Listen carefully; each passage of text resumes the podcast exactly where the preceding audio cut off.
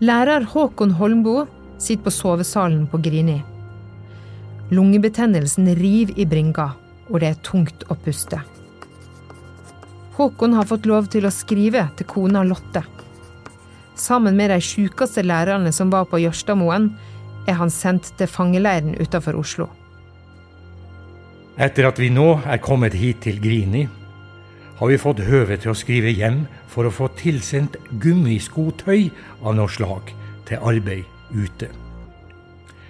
Hvis du finner de gamle mine eller noen andre, så kan du jo sende dem til adressen som står bak på konvolutten. Samtidig vil jeg gjerne få sendt noen barberblader og litt såpe, tannpasta og skopus. Brun. Litt annet småtteri vil også være hyggelig, og i så tilfelle kan du jo også gå veien om Røde Kors, eller få noen til å levere det direkte i vaktstua på Grini. Mange hilsener til deg og barna.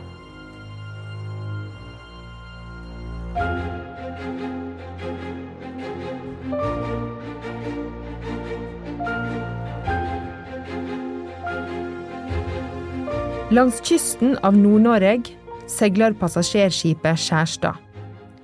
Det er dobbelt så mange mennesker på fartøyet som det det er godkjent for. Flere hundre av dem er lærere som er arresterte av nazistyresmaktene. Ministerpresident Vidkun Quisling vil tvinge dem til å melde seg inn i organisasjonen Norges lærersamband, hvor de forplikter seg til å lære opp elevene i nazistisk and. Men trass tortur, svolt og sykdom har ikke lærerne gitt etter. Nå er Quisling desperat. Lærerne skal straffes. Dette er tredje og siste del av serien Lærerkrigen mot Quisling.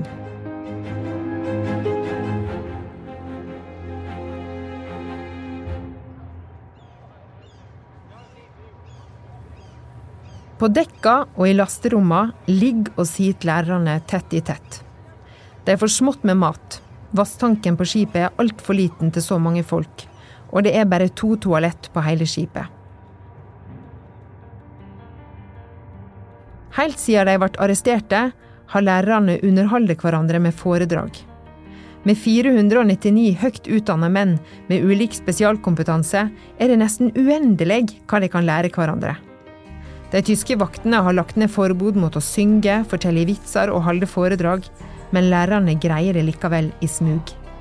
De holder foredrag om Tutankhamons grav, helleristinger i Nord-Norge, fridomsrørsla i India, Shakespeare, Norges økonomiske historie, hvalfangst og nordlys.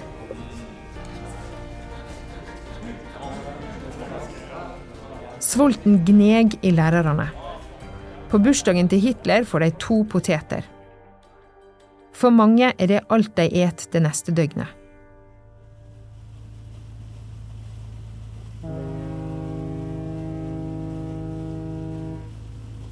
Når Skjærstad legger til kai i Tromsø, blir seks av lærerne sendt til sykehus med lungebetennelse, blødende magesår, blindtarmbetennelse og bronkitt. Noen får tak i ei utgave av avisa Tromsø. Der er det et intervju med rikskommissær Terboven. Han går hardt til angrep på lærerne, og kaller aksjonen deres for streik. Å forsøke å streike er imidlertid det samme som å forstyrre den offentlige ro og orden, og man truer dermed Tysklands, og da særlig den tyske forsvarsmakts, interesser. Saken er dermed ikke lenger et indre norsk anliggende, og jeg er nå som før forpliktet til å ivareta og sikre den tyske forsvarsmakts interesser i Norge. At jeg er beredt til å utføre denne plikt med all den nødvendige hårhet og besluttsomhet, det skulle man vel også gå ut fra allerede er kjent. Mens avisa går fra hand til hand, senker det seg et dystert alvor. Hvor lenge er det til tyskerne vil starte avrettingene? Skipet blir liggende til kai i Tromsø i flere dager, men ingen får lov til å gå i land. Raudekrossen kommer med ertesuppe til fangene, men de tyske vaktene nekter hjelperne å komme om bord. Lærerne foreslår da at Raudekrossen skal dra til fangeleiren på sydspissen med suppa.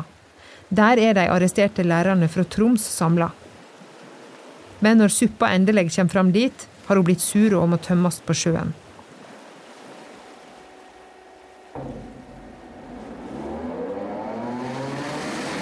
april 1942 går ferda videre nordover. Det stinker av lærerne. Mange av dem har hatt de samme klærne på seg helt siden de var på Jørstadmoen. De har ikke tilgang på varmt vann, og skjegget vokser.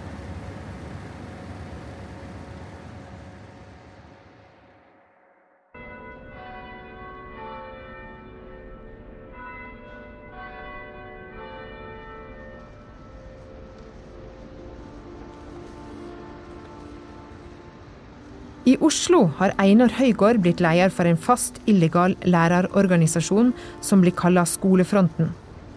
Høygård er opptatt av at lærerne som ikke er arresterte, må videreføre kampen til de 1100 som er tatt til fange. De viser sin støtte ved å ikke skrive under erklæringa om å bli med i Norges lærersamband, og ved å sende medlemsbladet i retur. Høygård sender også ut et skriv med ei liste med båd som alle lærerne skal leve etter. Ingen må ha noe med Norges læresamband å gjøre. Krav om erklæringer avvises. Kontingent betales ikke. Trekkes kontingent av i lønn, kvitteres av konto. Alle møter i Norges læresamband er blokkert. Ingen må motta tillitsverv i Norges læresamband.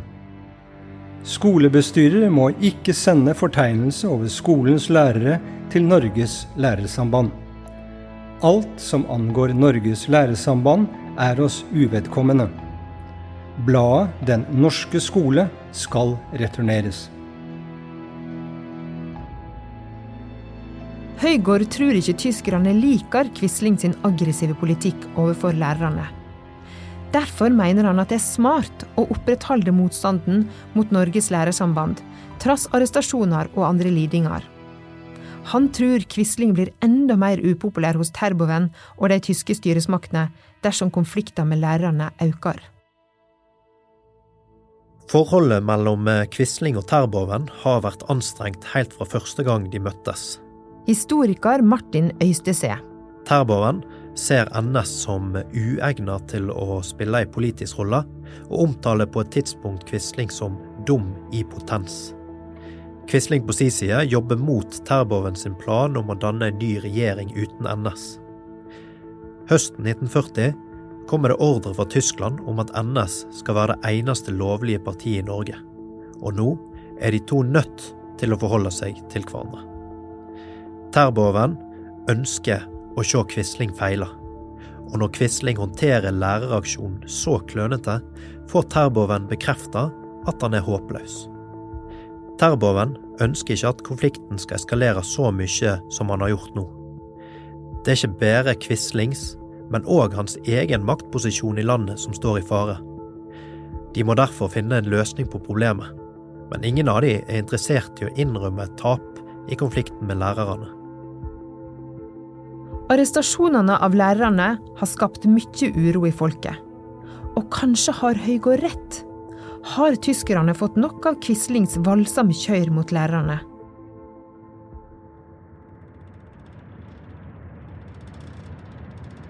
Samme dag som Skjærstad seiler videre nordover fra Tromsø, skjer det noe. Noe så byråkratisk og tørt som et rundskriv skal snu om på hele situasjonen. I brevet som går ut til alle skolestyrer i landet, forteller Kirke- og undervisningsdepartementet hvordan lova om Norges lærersamband skal tolkes. Innholdet er oppsiktsvekkende og overraskende. Den situasjonen som er inntrådt ved landets skoler, har vist at de grunnleggende bestemmelser i loven om Norges lærersamband i stor utstrekning er blitt misforstått og feilaktig tolket. Departementet skriver at Norges lærersamband ikke er en politisk organisasjon, og at medlemmer ikke er forplikta til å være med i Nasjonal Samling. Den oppfatning at den enkelte lærer skulle være forpliktet til å utføre tjeneste i Nasjonal Samlings ungdomsfylking, er en fullstendig misforståelse.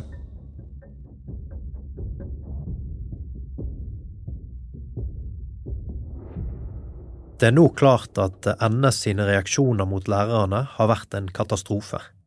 Den har ført til massiv motstand og uro i samfunnet, og det er ikke noe som tyder på at lærerne kommer til å gi opp kampen mot Lærersambandet. Quisling sin drøm om et riksting er nå helt urealistisk å få til. I tillegg legger den tyske okkupasjonsmakten press på NS. Læreraksjonen har skapt mer, og ikke mindre, opposisjon blant folk i Norge.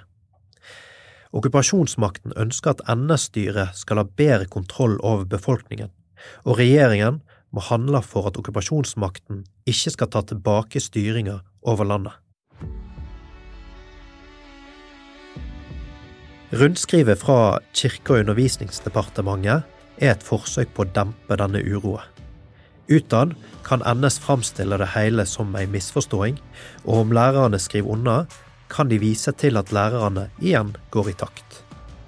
Lærerne på si side får et lærersamband som er helt uten politiske bånd til NS, og der de attpåtil er fritatt fra medlemskontingent. I praksis kan de holde fram som de gjorde før NS tok makten. Det er en massiv seier for lærerne.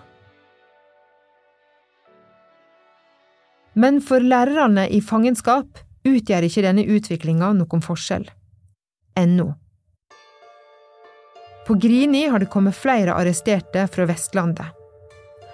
Oberstormfyrer Koch, som blir kalla Stormfyrsten, har samla alle lærerne. Han smisker og roser dem så de virkelig undres hva som skal skje. Men han har ikke noe nytt å by på. Igjen får de tilbud om å skrive under erklæringa om at de vil bli medlemmer i Norges lærersamband. Lærerne på Grini vet ingenting om rundskrivet fra departementet, som i praksis har oppheva alle krava om at de skal endre undervisninga og oppdra elevene i nazisme. Derfor er de aller fleste enige om at de ikke kan skrive under noe når 499 kamerater er sendt nordover til ei usikker framtid. De må stå sammen.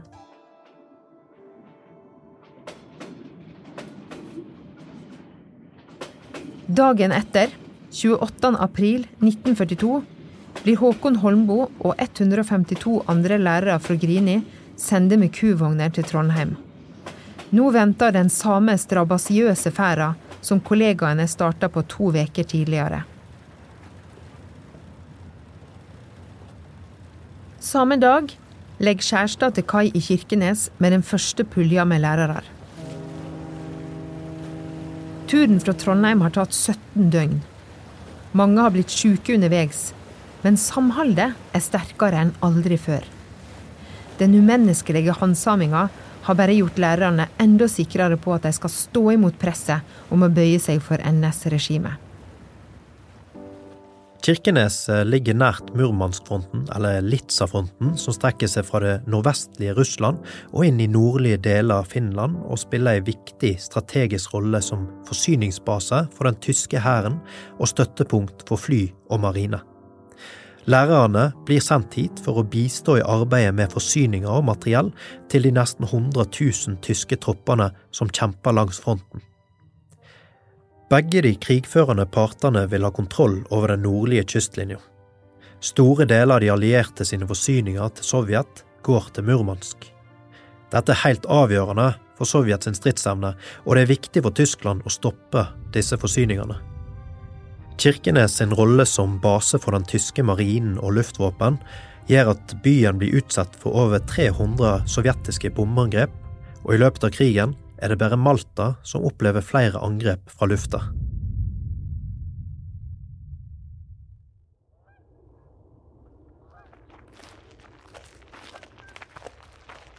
Det er 3. mai 1942.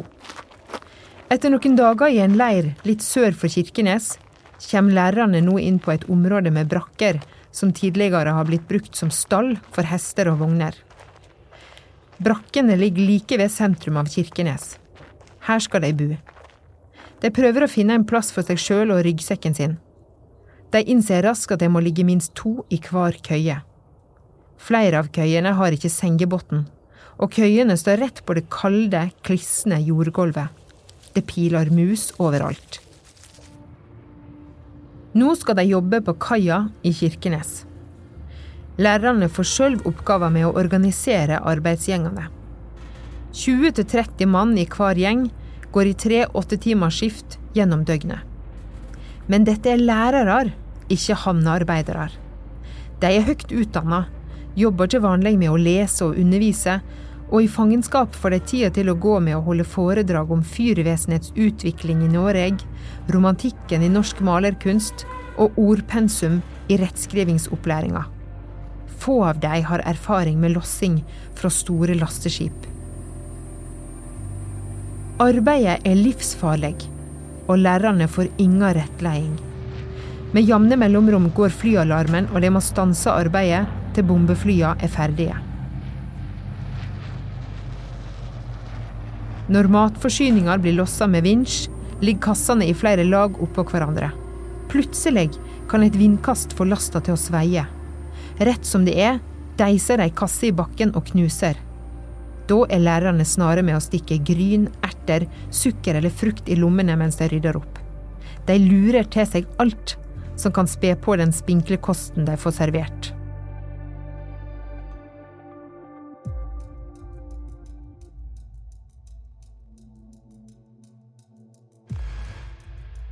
Allerede på dag fire går det gale. Det er 6. mai klokka tolv på dagen. En gjeng på 15 lærere står klare for å starte skiftet sitt. Det er fremdeles full vinter i Kirkenes. Det snør og det bles kraftig, og lærerne har på seg vinterfrakker, vanter og tunge støvler. De skal losse et tysk lasteskip, og sju av mennene skal klyve ned i lasterommet. En av dem heter Olav Hole. Det er 15-20 meter fra kaia og til bunnen av lasterommet. De sju mennene vakler seg nedover leideren i de store støvlene sine. Plutselig løsner lastebrettet fra vinsjen og raser ned mot lasterommet. Da mister Olav taket i leideren, og han faller rett i dørken. Han ligger livløs, og det blør fra hovedet hans. Kameratene springer til og skriker ut at de trenger hjelp. Tre tyske offiserer kommer, og de får lagt en bandasje rundt hovedet til Olav. Så heiser de han opp og sender han til sykehus. Kameratene får ordre om å holde fram arbeidet. Litt seinere kommer meldinga de frykter. Olav er død. Trolig ble han drepen momentant da han traff dørken. Om kvelden samler lærerne seg og holder ei minnestund for den døde kameraten.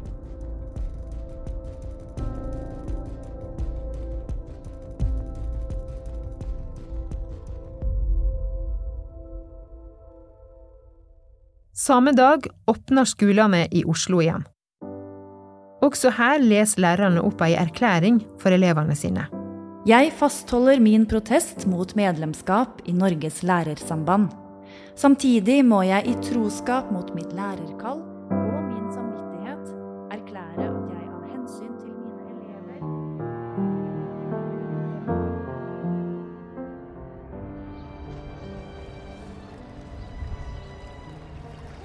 Samtidig er Håkon Holmbo og den andre pulja med lærere, de som har vært på Grini, på vei nordover.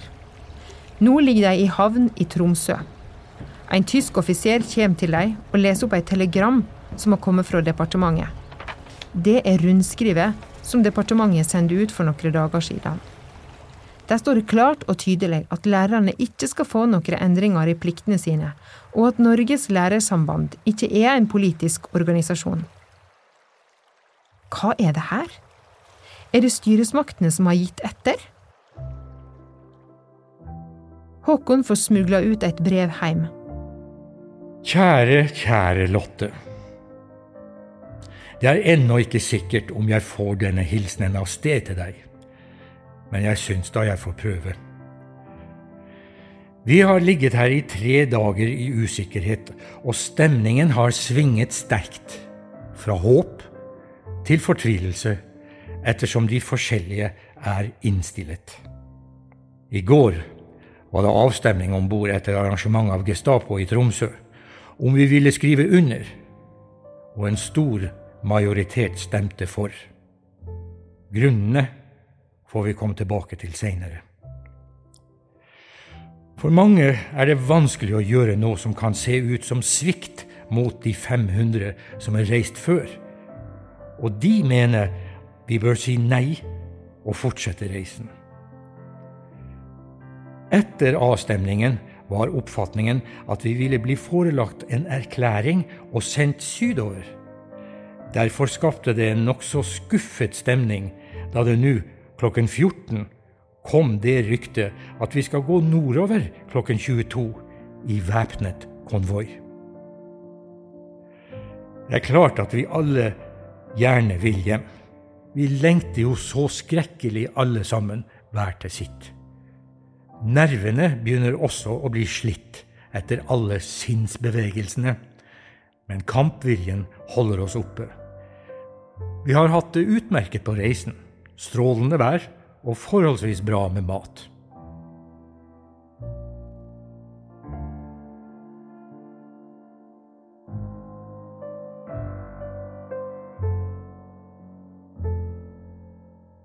Til tross for at eh, sambandet ikke lenger er linka til NS, blir ikke lærerne forelagt noen erklæring om medlemskap.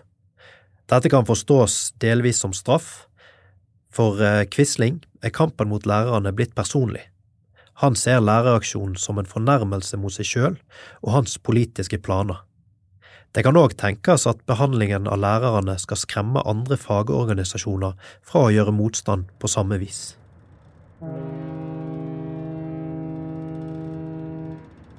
11. mai kommer den siste pulja med lærere fram til Kirkenes. De som allerede har vært der i to uker, blir motløse. Dette betyr at det kan være lenge til de får reise hjem.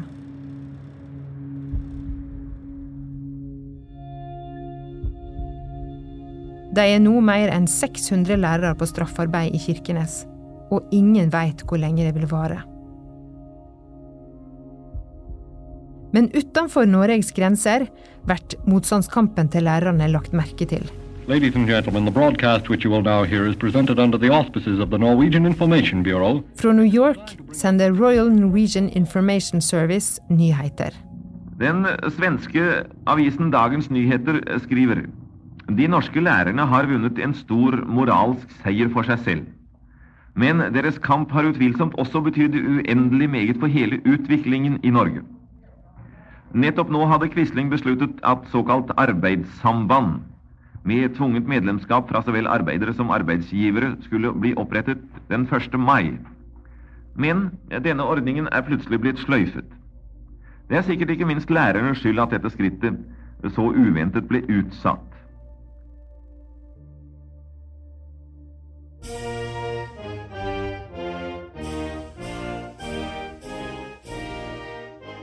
17. mai 1942 er eksilnordmenn samla til festmøte i teatret Coliseum i Covent Garden i London. Og vi står nettopp i disse dager og ser med skrekk og redsel på det siste angrep som der er blitt gjort og rettet imot våre kirker og skoler. Kong Haakon taler til sine landsmenn. Tross det at de kunne risikere å bli stilt opp langs med muren, så sviktet de ikke sin egen samvittighet. Og utenriksminister Trygve Lie følger opp. Når vi leser om lærernes trengsler, om dødsferden på Skjærstad opp til Ishavet, da fylles vi av medfølelse, av brennende harme, men også av stolthet. Men ingen av disse varme ordene når fram til lærerne i brakkene i Kirkenes. De som ikke er på vakt på kaia, har samla seg for å feire grunnlovsdagen. De holder taler og synger fedrelandssalmen.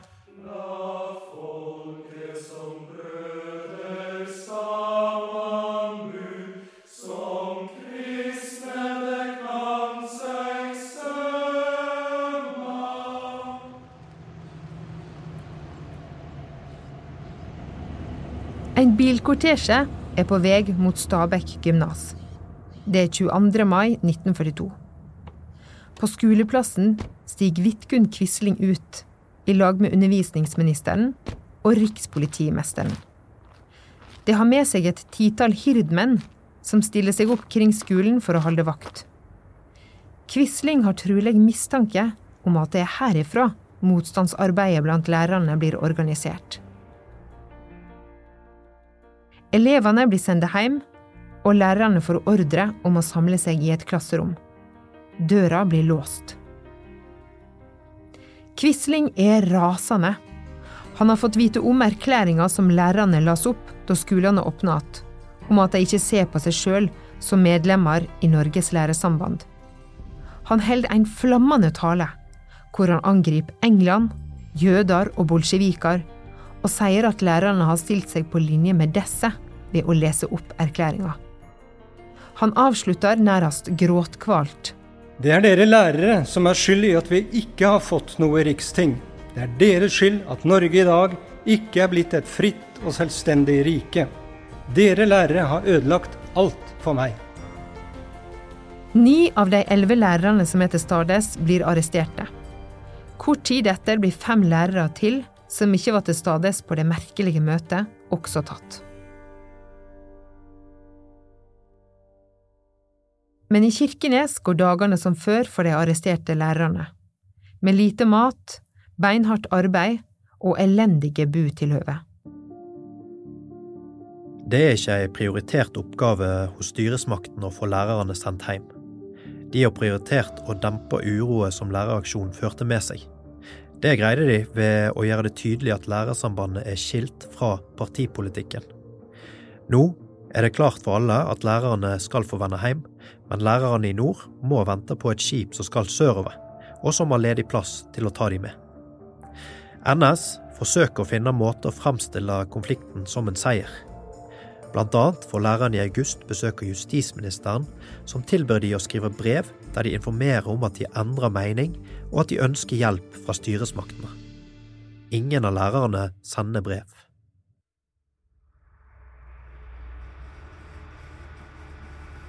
Den ene av brakkene der lærerne bor i Kirkenes, ligger like inntil fabrikken til gruveselskapet AS Sydvaranger. En dag hører en av lærerne et forsiktig dunk. Han ser ei hand strekke seg inn gjennom et hull i veggen og går bort. Han tar imot ei pakke. Det er mat. Arbeiderne på fabrikken har organisert ei hemmelig rute for å smugle mat inn til lærerne. Fra nå av kommer det mat via denne smuglerruta hver dag. Sammen med pakkene de får stukket til seg fra Kirkenes-folk når de er ute på arbeid, gjør dette dagene til lærerne mer levelige. 24. juni blir lærerne flytta fra brakkene ved AS Sydvaranger til en ny leir på Elvenes. Telta de skal bo i, er laga av papp. Håkon Holmboe, som er tysklærer og fungerer som tolk, blir også her talsmann for lærerne overfor tyskerne. Det er verken gulv eller ovner i telta, men Håkon klager, og etter hvert får de både gulv og ovn. Men det er trangt om plassen. Telta er beregna for 13 mann, og de er nå 24 i hvert.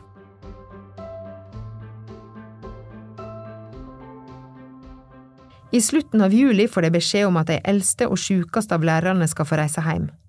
Men de får bare dra dersom de skriver under på ei erklæring.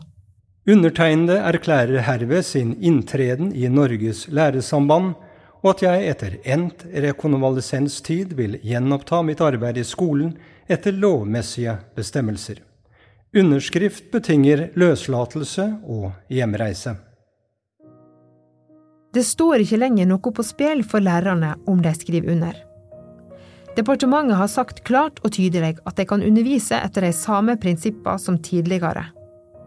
Lærerne vet at de har vunnet. De vil hjem alle sammen, og de skriver gjerne under, men ingen aner når flere av dem vil få sjansen. Håkon Holmboe sender brev hjem hver måned. 17. august skriver han. Ennå går vi altså her og venter på at noe skal skje. Det er nå snart 14 dager siden de første her begynte å skrive under og gjøre seg klare til oppbrudd. Men fremdeles heter det at de må da være litt tålmodige. Når bare båten som er bestilt kommer, så blir det nok reise. Slik venting er noe av det verste en kan utsettes for. Vi andre, som ikke regner med den første sendingen, blir også utålmodige. Her skal jo forskjellige omplasseringer til etter avreisen, men alt innrettes liksom bare for dagen, for det skal jo stadig bli, og ryktene går. Nå er det særlig rykter som kan fortelle om hvor lenge neste pulje skal vente etter at første er av sted, som er i skuddet. Alt selvsagt bare løse saker. Men skal en dømme noe etter det somle vi har sett hittil, så blir det nok enda uker å vente.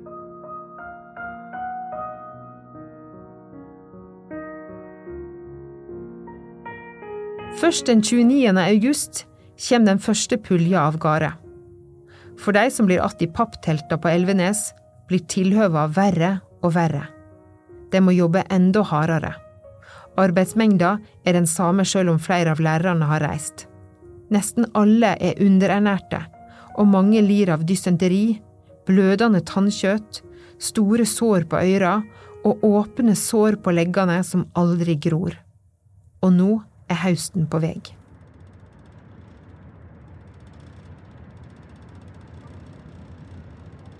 Den 16. september 1942 reiser den neste gruppa med lærere ifra Kirkenes. Nå er de 295 igjen. Snart begynner det å gå rykter om at 200 til skal få reise snart. Hva betyr det? Er de en liten gjeng som må belage seg på å bli i de tynne, trekkfulle pappteltene hele vinteren? Den 31. oktober skriver Håkon Holmboheim. Siden siste brev er kulda satt inn for alvor. De siste dagene fra 15 til 20 grader, og da er det jo unektelig nokså kaldt. Vi er nå begynt å fyre om natta, og da har vi det tålelig bra. Men så snart varmen dabber av, er det kaldt i teltet, og vegger og tak er rimet hele tiden. For oss her i teltet, hvor de fleste er vante sportsfolk og har bra utstyr, er det jo nærmest moro å leve slik. Men det er synd på mange andre, eldre og mer ubehjelpelige.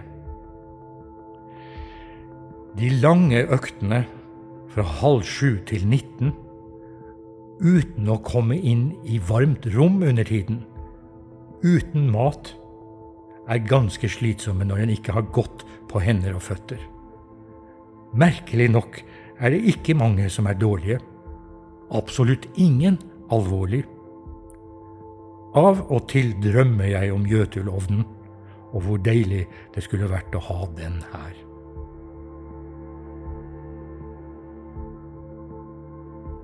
To dager seinere, den 2. november 1942, får lærerne beskjed om at de skal hjem. Alle sammen.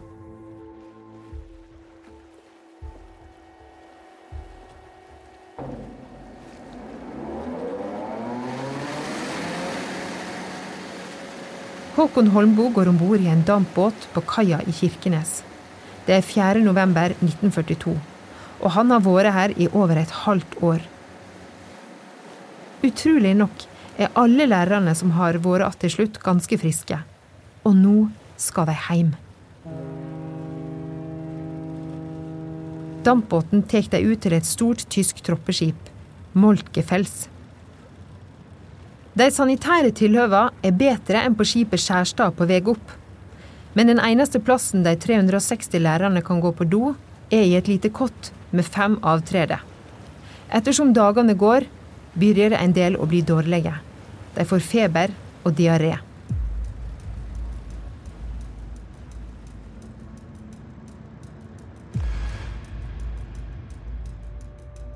Etter elleve dager har skipet passert grensa til Trøndelag og legger til kai i Rørvik.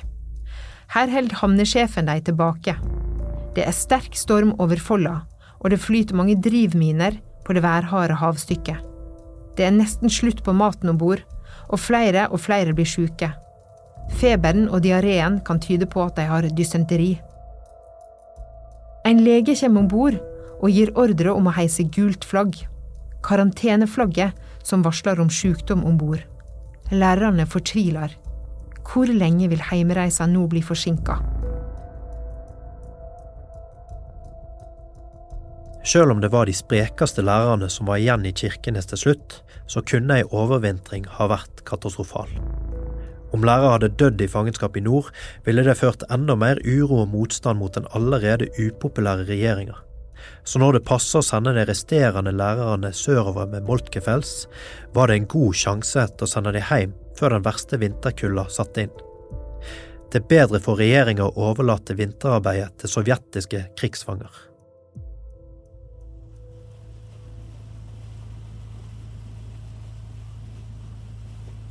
Etter tre dager får de endelig reise videre. 20. november kommer skipet Moltkefels inn mot Trondheim. Det ankrer opp i trygg avstand til andre skip, og en tysk marinelege kommer om bord for å sjekke tilhøva. Han konkluderer med karantene i ti dager etter siste sykdomstilfelle. Dette kan ta tid, med tanke på at flere har blitt syke igjen og igjen. Men tyskerne trenger troppeskipet sitt, og lærerne vil i land. Alle vil ha ei kjapp løsning. Til slutt kommer en NS-lege om bord, den samme som inspiserte Skjærstad på vei nordover. Han skiller de verste sykdomstilfellene fra de andre og frakter dem til sykehus. Resten får gå i ei isolert gate fra havna til jernbanestasjonen. Der venter toget som skal ta dem sørover.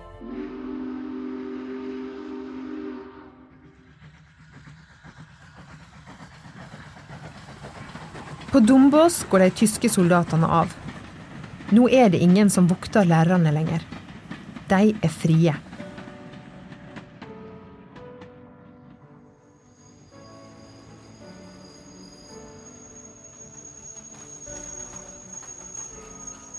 Toget er framme på Hamar. Håkon stiger av. Og der står hun.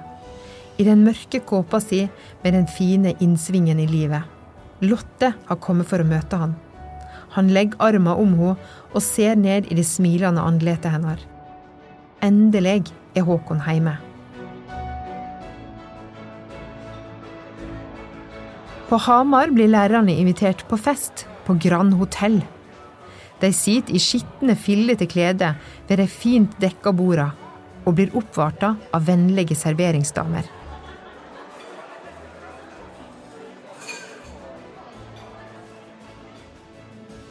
Middagen går toget videre sørover.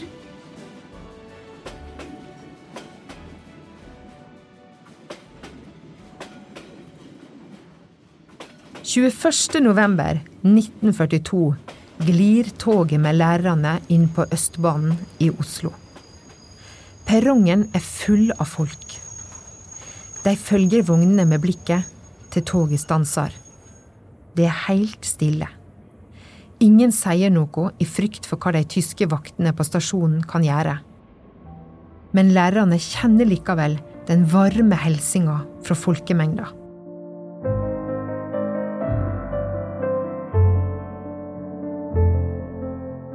Læreraksjonen har gjort det umulig for Quisling å utføre planen om et riksting. Lærerne var den første yrkesgruppa i Norge som motsatte seg NS sitt forsøk på å danne en ny samfunnsordning, og de satte med det et eksempel som ble etterfulgt av andre yrkesgrupper.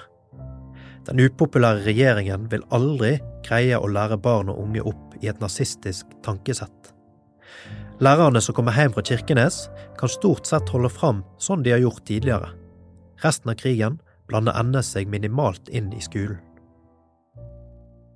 Læreraksjonen er en massiv suksess.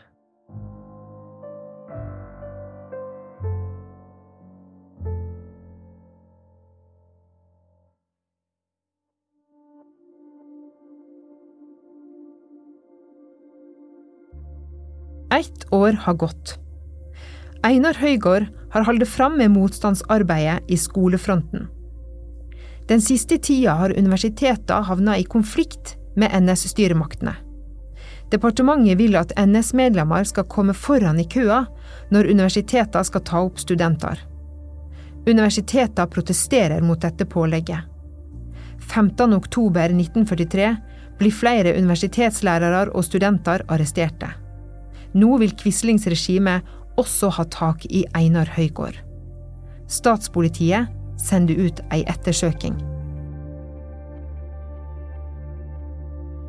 Høygård forstår at han er nødt til å komme seg ut av landet. En polititjenestemann som arbeider hemmelig som grenselos, organiserer flukta til Sverige. Men losen er ikke klar over den høye posisjonen Høygård har i motstandsrørsla. Han let han derfor reise alene, uten politivakt og uten returbillett, som er vanlige situasjoner som er særskilt risikofylte. Så når grensepolitiet kommer på mellom Sarpsborg og Halden, blir Einar Høygård arrestert.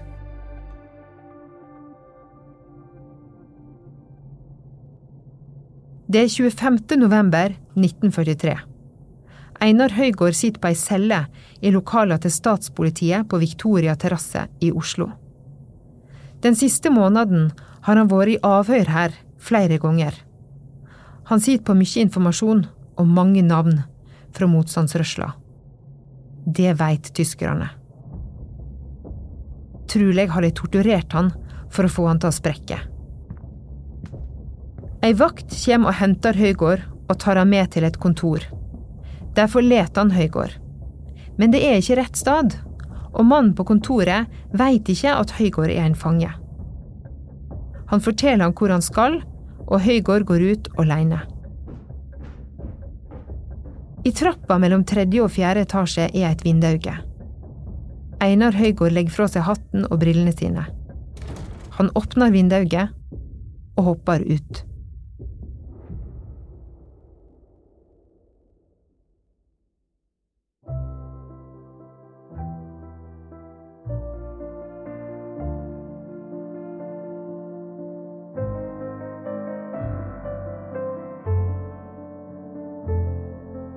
Einar Høygård tok med seg all informasjonen han hadde om motstandsarbeidet og motstandsfolk, i døden.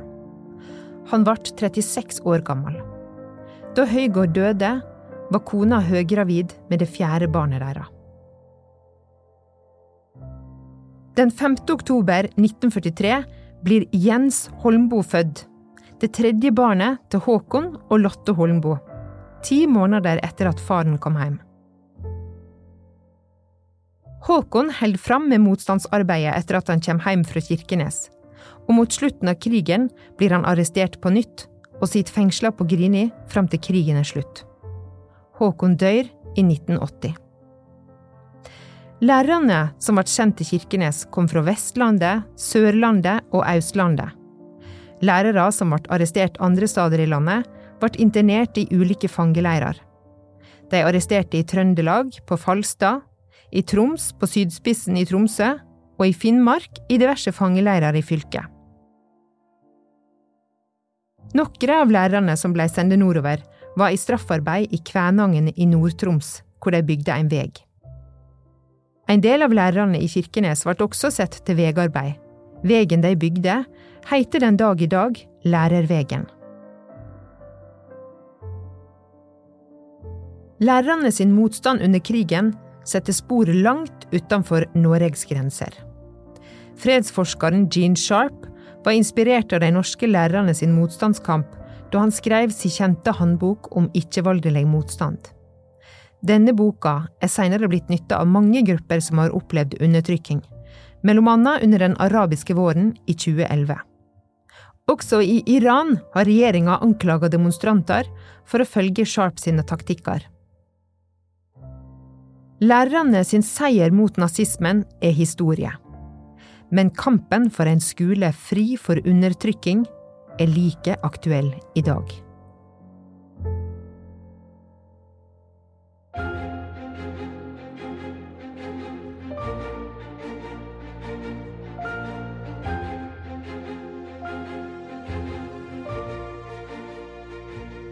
Dette var den tredje og siste episoden av Lærerkrigen mot Quisling.